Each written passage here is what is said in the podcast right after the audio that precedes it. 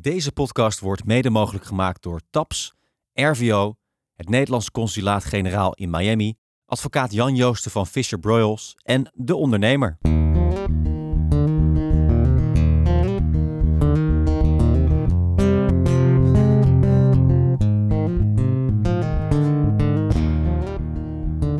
Dit is De Oversteek, Down South.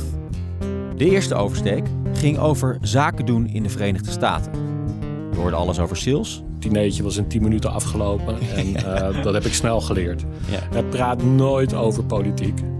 culturele verschillen, Als iemand zegt let's do coffee, betekent dat echt van ik vind je interessant, ik vind je leuk, maar dat, eh, ik heb misschien niet de tijd om koffie met jou te drinken. Maar wat zeggen ze dan als ze echt koffie met je willen drinken? Let's do coffee next Wednesday. hoe het is om de baas te zijn, Zo zijn ze, zou bijna zeggen, eh gebrainwashed. Van eh, je doet gewoon wat je opgedragen wordt en je treedt er niet buiten. belastingen, verzekeringen, So, what happens to the company if they get hit by a New York City bus? you name it.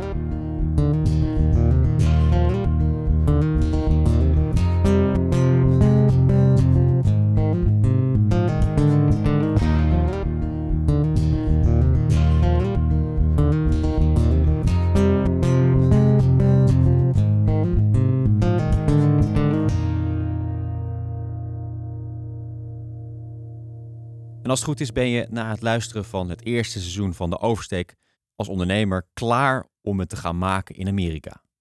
Maar er is in de tussentijd wel wat veranderd. Maak je geen zorgen, eh, ze willen nog steeds geen koffie met je drinken en de baas is nog steeds de baas. Nee, het is iets anders. Heel veel Amerikaanse bedrijven verhuizen naar het zuiden van de VS.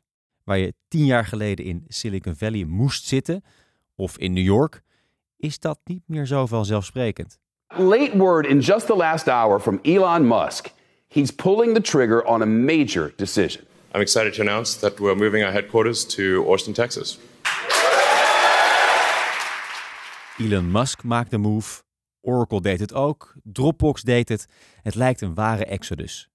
En waarom? Nou, de huizen aan de West- en East Coast zijn te duur, de belastingen te hoog, personeel onvindbaar en de wetten te streng.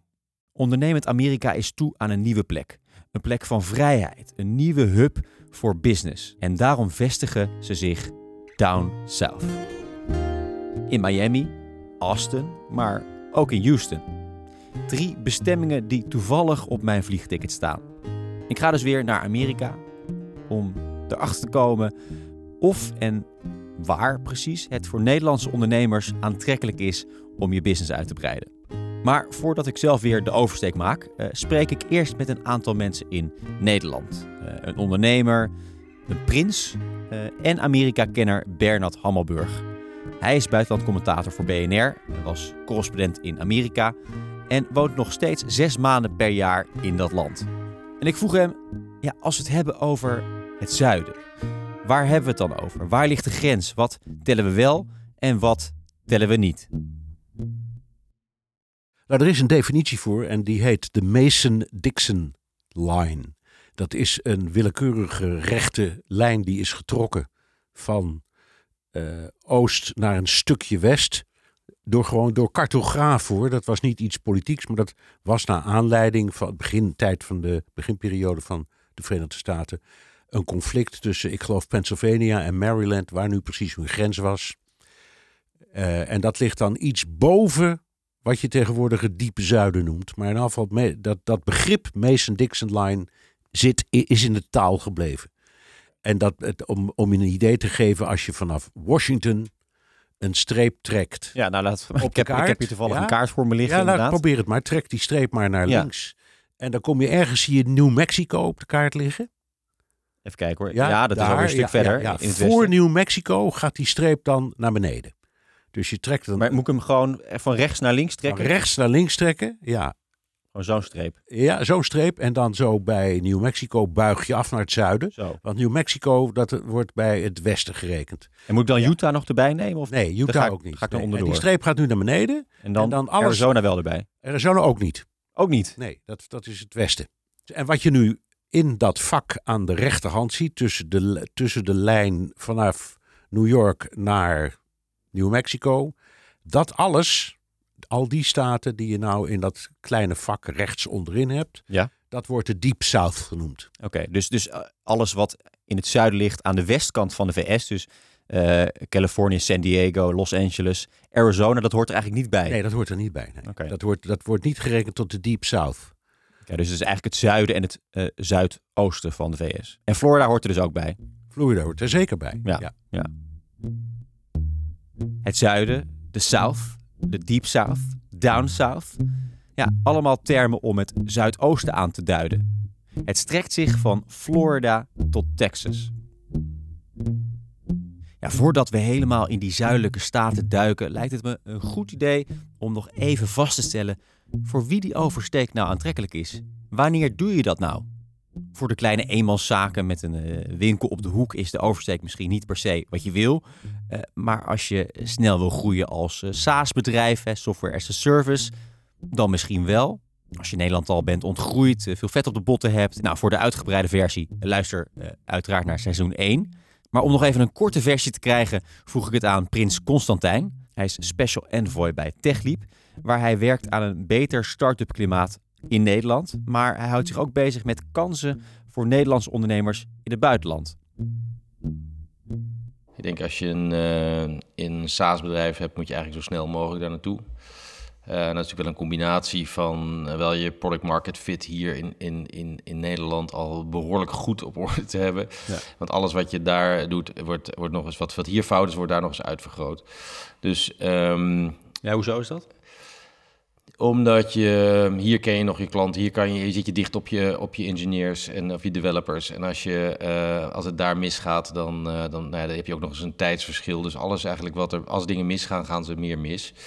Maar um, er zijn bepaalde bedrijfssoorten, en we hebben het vooral over SaaS en fintech en dergelijke, die, waar je eigenlijk vanaf het eerste moment al inval een, een, strategie voor Amerika moet hebben. Het is een hele grote markt, het is, er zitten de grootste concurrenten en als je daar niet zit, dan komen ze wel, je concurrenten ook wel hier naartoe. En uh, dus het moet een deel van je strategie zijn. Dus het is niet, ik bouw uh, hier een bedrijf op en dan heb ik een droom dat ik een keer naar de Verenigde Staten ga. Voor heel veel bedrijven is het eigenlijk essentieel om dat al bij voorbaat inge, ja, ingecalculeerd te hebben van dat je heel snel die stap moet gaan maken. Ja. Heel veel bedrijven maken vaak een businessplan voordat ze gaan starten. Voordat ze überhaupt nog maar één cent hebben verdiend. Daar zou eigenlijk al een kopje uitbreiden naar Amerika moeten staan. Ja, want het, um, je moet ook bij de manier hoe je gaat financieren, moet je erover nadenken. Of je niet ook misschien een Amerikaanse VC wil aantrekken als je naar Amerika gaat. Uh, je, um, alle, er komen allerlei andere aspecten bij. Als je daar mensen wil aantrekken, zijn over het algemeen veel duurder. Je moet ook bedenken dat je opties moet gaan aanbieden. Dus je moet een deel van je aandelen moet je in ieder geval achter de hand houden om mensen mee te kunnen betalen. Dus zijn allerlei dingen die je van, van tevoren eigenlijk al rekening mee moet houden. Voordat je gaat moet je met ontzettend veel dingen rekening houden. En ja, daarom is deze podcaster. In deze tweede serie gaan we naast de locatie, het zuiden, ook focussen op verschillende sectoren. Want elke stad of regio heeft wel zijn specialiteit. Bij Texas heb je bijvoorbeeld de barbecue.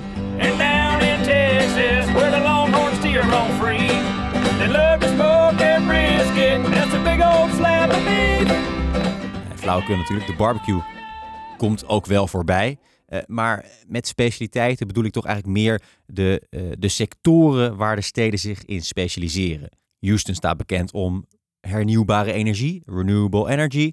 Uh, Austin is meer creative tech. En Miami doet veel aan sport. Ik ben dan ook heel benieuwd hoe Nederlandse bedrijven kiezen voor een bepaalde stad of regio. Wat zijn de argumenten? Een bedrijf dat de oversteek overweegt is Superuse. Uh, Superuse is een architectenbureau dat circulair en duurzaam bouwt. En ja, deze opname die je gaat horen klinkt een beetje alsof we in een uh, leeg zwembad zitten. Nou, dat is ook zo. Uh, Superuse zit namelijk in het oude Tropicana in Rotterdam. dat heet nu Blue City en is een hub voor circulaire ondernemers. Nou, dat klinkt dus zo. Ik ben Jos de Krieger, partner en architect bij Superuse. We zijn een architectenbureau met uh, vijf partners en vestigingen in Rotterdam, Amsterdam, China. En dachten in 2021 na over het maken van de oversteek naar de VS. Spoiler, die hebben ze inmiddels gemaakt. Maar hoe begon het? In Amerika liggen gewoon interessante kansen. Uh, vooral omdat we iets meer dan een jaar geleden, denk ik, een artikel zagen Waarbij er foto's waren van windmolenwieken die gewoon onder het zand geschoffeld werden als afval. En we dachten, wij hebben daar betere oplossingen voor. Sorry, wat gebeurde er? Windmolenwieken die hebben een levensduur van een jaar of 10, 15. En dan worden ze soms nog wel gerepareerd en opnieuw uh, gebruikt. Maar uiteindelijk heb je een heel groot ding van glasvezel en epoxy daar, waar je niks meer mee kan. Ja. Uh, en wij hebben daar ooit een speeltuin mee gemaakt. En sindsdien nog een speeltuin en straatmeubilair en een bushokje en nog een paar dingen. En dat waren mooie prototypes, goede voorbeelden van wat je met het materiaal zou kunnen. Maar de komende jaren wordt die afvalstroom veel groter. Met de hoeveelheid windmolens die de afgelopen tien jaar geplaatst is, verwachten echt een uh, ja, exponentiële groei van de hoeveelheid windmolenwieken afval. Hebben jullie eigenlijk Nederland al uitgespeeld? Want uh, dit zou een stap naar Amerika uh, zijn. Er wordt vaak al gezegd, ja, ga eerst maar eens even kijken of je het in Nederland allemaal voor elkaar kan krijgen. Ga dan maar eens in Amerika kijken. Binnen de architectuur zien zeker. Uh, daar denk ik dat we, ja, veel bureaus kennen ons wel. We geven ook les aan uh, TU Delft, Academie van Bouwkunst, andere uh, opleidingsinstituten in Nederland. Alleen in Amerika is dat natuurlijk een stuk minder. En uitgespeeld zou ik zeggen, zeker niet. Zolang ehm, het voor een opdrachtgever in Nederland nog steeds spannend is om het hergebruik te gaan werken, hebben we Nederland niet uitgespeeld. want het moet eigenlijk normaal worden om geen gebouwen meer te slopen, materiaal weg te gooien. En hoe zit het met concurrentie in Amerika? Uh, op het hergebruik van wieken. Uh, we waren met de speeltuin in Rotterdam, denk ik, de eerste ter wereld die er iets mee gedaan heeft. De afgelopen tien jaar zijn er wel wat andere partijen die er dingen mee gedaan hebben of proberen, maar zeker niet op de schaal die wij nu uh, voor ogen hebben. dus ik denk dat we daar de eerste zijn en dat het ook, ja, ook in Nederland en in Europa nog heel veel potentie heeft. maar dat willen we een beetje gelijktijdig oppakken en laten groeien. En we kijken wel welke markt er het meest drijf voor is weinig concurrentie met een vernieuwend concept. Ja, dat klinkt als een goede business opportunity. Maar ja, waar ga je je vestigen? Als je ergens naartoe moet gaan in Amerika, waar zou je dan heen gaan? Ja, wat ik nu uh, begrepen heb, zijn er een paar plekken die interessant zijn, zeg maar. Iets vooruitstrevender of progressiever. Uh, en dat is Phoenix uh, in het zuiden van de VS. Ah, kijk, daar is hij hoor. Jos overweegt naar het zuiden van de VS te gaan. Of nou ja, als we Bernards definitie van het zuiden hanteren, dan valt Arizona er net buiten. Maar goed, het komt in ieder geval in de buurt. Maar waarom Phoenix? Waarom niet gewoon naar Californië of naar New York? Ja, uh, we hebben recent een keer gesproken met een uh, deel van de gemeente daar. Die gaan over het waste management. Uh, en dat was al een interessant gesprek. Ze staan erg open voor ja, af van het landfill-idee naar recycling toe. en dat begint daar nu ook een beetje te landen van oké, als we het op die manier inrichten, dan zijn we in principe met een redelijk simpel, simpel handvat op weg naar een duurzamere samenleving.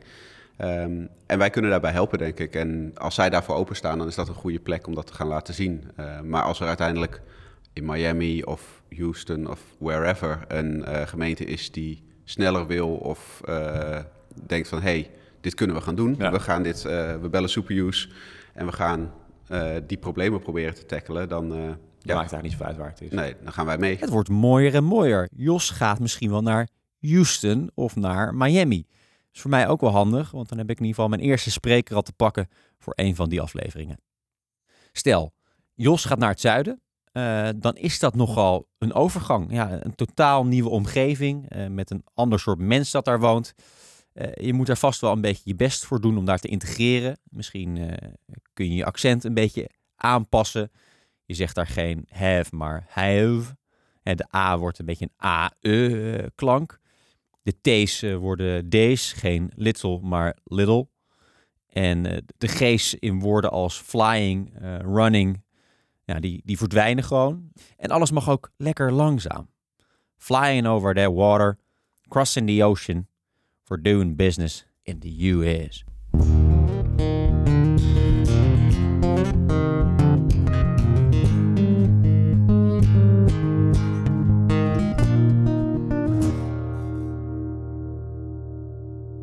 Terug naar die business. Uh, je bent niet de enige die de oversteek gaat maken. Ze komen vanuit de hele wereld. Uh, je hebt concurrentie vanuit andere landen, uh, maar ook van lokale bedrijven. en ja, vooral die lokale bedrijven, zeker in het zuiden van de VS, is dat uh, geen pretje om die tegenover je te hebben. Ja, je hoort van al die bedrijven die dan naar, naar een beurs gaan en, dan, eh, en daar dan staan met een lullig steentje. En eh, dan staat er naast hun of een stukje verderop staat dan de, de, lokale, de, de Ja. lokale kracht met eh, ik weet niet hoeveel vierkante meters en zo. Dus, en dat is dan eigenlijk een hele ehm, zeg maar zichtbare of tastbare ehm, eh, uiting van wat het concurrentievoordeel is van zo'n bedrijf. Die zit er al, eh, die hebben zich gemanifesteerd en begrijpen hoe de markt in elkaar zit, hebben vaak al klanten veel betere netwerken en zo. Dus je, je komt met een enorme achterstand. En, eh, dus je moet wel weer, ehm, weer zoveel beter zijn of een strategie hebben die zoveel scherper is dat je, eh, dat het je lukt om daar door te zetten. Maar het kan, hè? dus je ziet dat eh, nu weer met MessageBird, eh, die ook weer een, dus weer een concurrent van Twilio. Ehm, Twilio is misschien eh, wat is het, tien keer, nou ik weet niet hoeveel, tien keer, dus misschien wel te veel, zoveel waard. Eh, maar ja, ehm, heel veel serieuze investeerders zetten zich toch achter MessageBird, omdat ze dat echt een serieuze concurrent vinden. Dus het kan, het kan. Maar het is niet, eh, het, het is, het is niet makkelijk. Geen peulenschilletje dus. Maar goed, je bent ondernemer, je bent niet bang. Je hebt je research goed gedaan, eh, een concurrentenscan gemaakt. Je bent Nederland ontgroeid, je flink wat vet op de botten. Je gaat gewoon naar het zuiden. Eh, Ja, wel naar een diep conservatieve regio volgens Bernard Hammelburg. Is het zuiden eh, een plek waar je makkelijk in op kunt gaan? Kun je daar makkelijk integreren? Nee, heel moeilijk. Ehm, dat geldt overigens voor Nederland ook. Hè? Dus we moeten niet, eh, niet de illusie hebben dat het voor een buitenlander in Nederland makkelijk is om te worden opgenomen. Bu- Buitenlanders zeggen altijd, je moet, moet door een aantal barrières heen voordat je echt aanschuift op een verjaarspartijtje met een stuk taart in je hand. Daar gaat een hele tijd overheen. Heel moeilijk. En dat is in het Amerikaanse zuiden ook. Ehm, het heeft verschillende kanten. In de eerste plaats, ze zijn extreem beleefd. En in, in het algemeen ervaren Nederlanders dat als zeer prettig.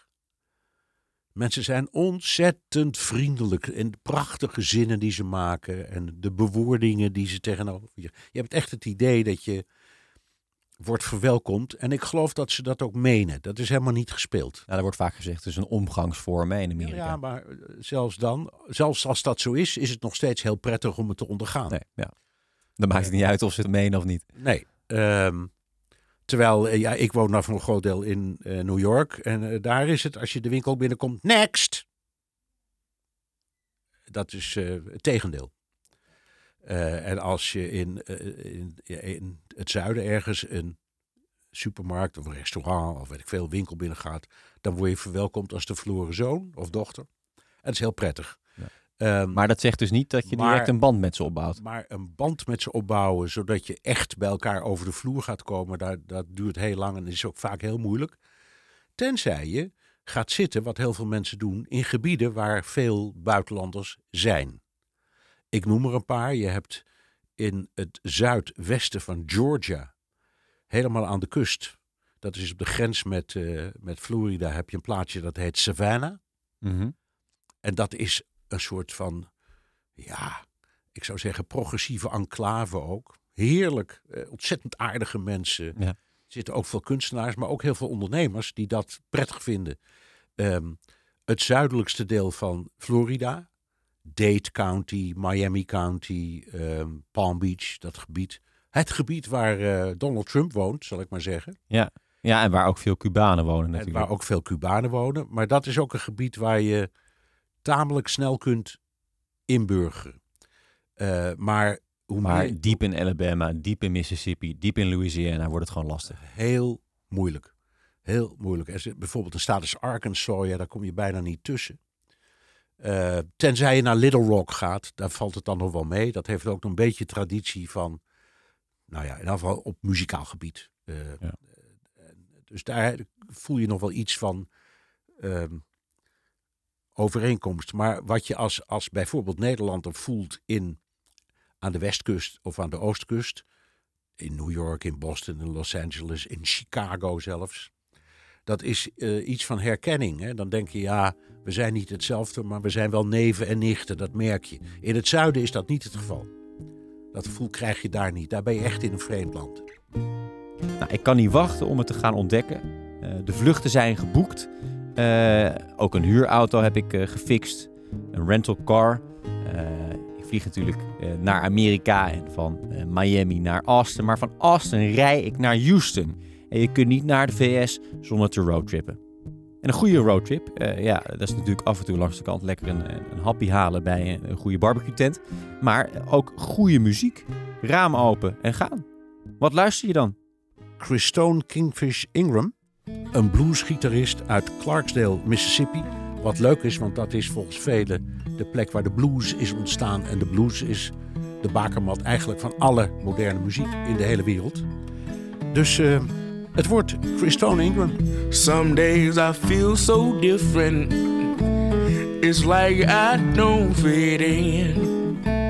Some kids like the greatest. Ja, nog heel even terug naar Jos. Hè, die overwoog dus naar het zuiden van de VS te gaan. Het werd Phoenix, misschien wel Houston, Miami noemde die ook nog even. Ja, ik bel hem toch nog even op om te vragen wat het is geworden. Uh, hey Jos, uh, goed je weer eventjes uh, aan de lijn te hebben. we hebben natuurlijk de vorige keer gehad over jullie overstek naar Amerika. Nou, jullie zijn inmiddels gegaan. Ja, ik ben eigenlijk wel benieuwd. waar zijn jullie geland? Ja, nou ja, vandaag, deze week ben ik geland in New York. het is Circular City Week en wij waren een van de sprekers op uitnodiging van het consulaat. En qua projecten lijkt het nu vooral te gaan landen in Californië en langs de westkust. Oké. Okay. Ja. dus, dus, dus East Coast en West Coast. Want ik hoorde je toen nog uh, praten over uh, Phoenix. Daar had je misschien wel een ingang. En uh, het zou misschien ja. nog wel Miami of Houston kunnen worden. Maar niet het zuiden dus. Nou, vooralsnog niet. we hebben er inderdaad wel gesproken. Um, maar de eerste interesse lijkt meer uit de kusten te komen. Um, maar ja, er is nog geen enkel project of contract getekend. Dus het kan nog steeds alle kanten op. want uiteindelijk als het gaat over het windmolenwieken, is het aanbod leidend. Uh, dus waar is het materiaal, daar zouden de projecten moeten komen. Uh, en dan is de, ja, het zuiden nog steeds een hele goede plek. Ja, nou, jammer man dat je niet in één keer naar het zuiden bent gegaan. Ja, dat kan ook in twee of drie stapjes. Dat vind, ik, vind, dat vind ik niet erg. Nou, dat is hartstikke jammer, Jos. Maar ik snap het ook wel. Uh, New York, East Coast is lekker dichtbij, Europees, weinig tijdverschil. Het is toch waar je als eerste aankomt. En de westkust is natuurlijk heerlijk, lekker weer. Het strand, eh, allemaal hippe mensen. Uh, pumpkin lattes, prima. Maar goed, er zijn dus allemaal ondernemers, niet alleen vanuit uh, Amerika, maar ook vanuit de hele wereld, die toch naar het zuiden van de VS trekken. Waarom gaan die toch allemaal naar het zuiden van de VS? Waarom gaan ze down south? Nou, in de volgende aflevering land ik in Miami. De stad van enerzijds het strand, de fitte torso's die paraderen over de boulevard eh, de stad van Cuban food, maar ook de stad van sport. Miami zet vol in op sport. En het is in Nederland niet onopgemerkt gebleven. De overheid zit er ook volop in en is er te vinden op legio-conferenties. Uh, maar ook onze eigen helden reizen af naar Miami om voetbal te promoten. De KVB uh, ja, die wil graag dingen delen in de wereld van het voetbal. En ja, sport is live en kicking in Amerika. Uh, ook hier uh, in Miami. En voetbal komt steeds meer op. Dat is denk ik nog weliswaar de, ja, laten we zeggen, de vijfde sport in Amerika. Maar je ziet aan alles dat ze willen groeien. Um, uh, ja, en hoe mooi zou het zijn dat wij als Nederland ja, daarin kunnen ondersteunen. Of onze informatie en onze geschiedenis kunnen delen. Om daar met elkaar beter van te worden. Dat is Dirk Kuyt. Maar ook spreek ik met Content Stadium. Een Nederlands sportmarketingbedrijf dat zich in Miami heeft gevestigd. Waarom zij daar dan zijn voor de sport? Eh, wat is daar nou aantrekkelijk aan? Eh, wat heeft dat met business te maken? Wat heeft dat met ondernemen in Amerika te maken? Dat hoor je in de volgende aflevering, in de aflevering Miami. Wil je niks missen van deze podcast? Abonneer je dan via Spotify. Uh, vergeet ook niet een recensie achter te laten als je het een hele leuke, interessante podcast vindt. Tot de volgende.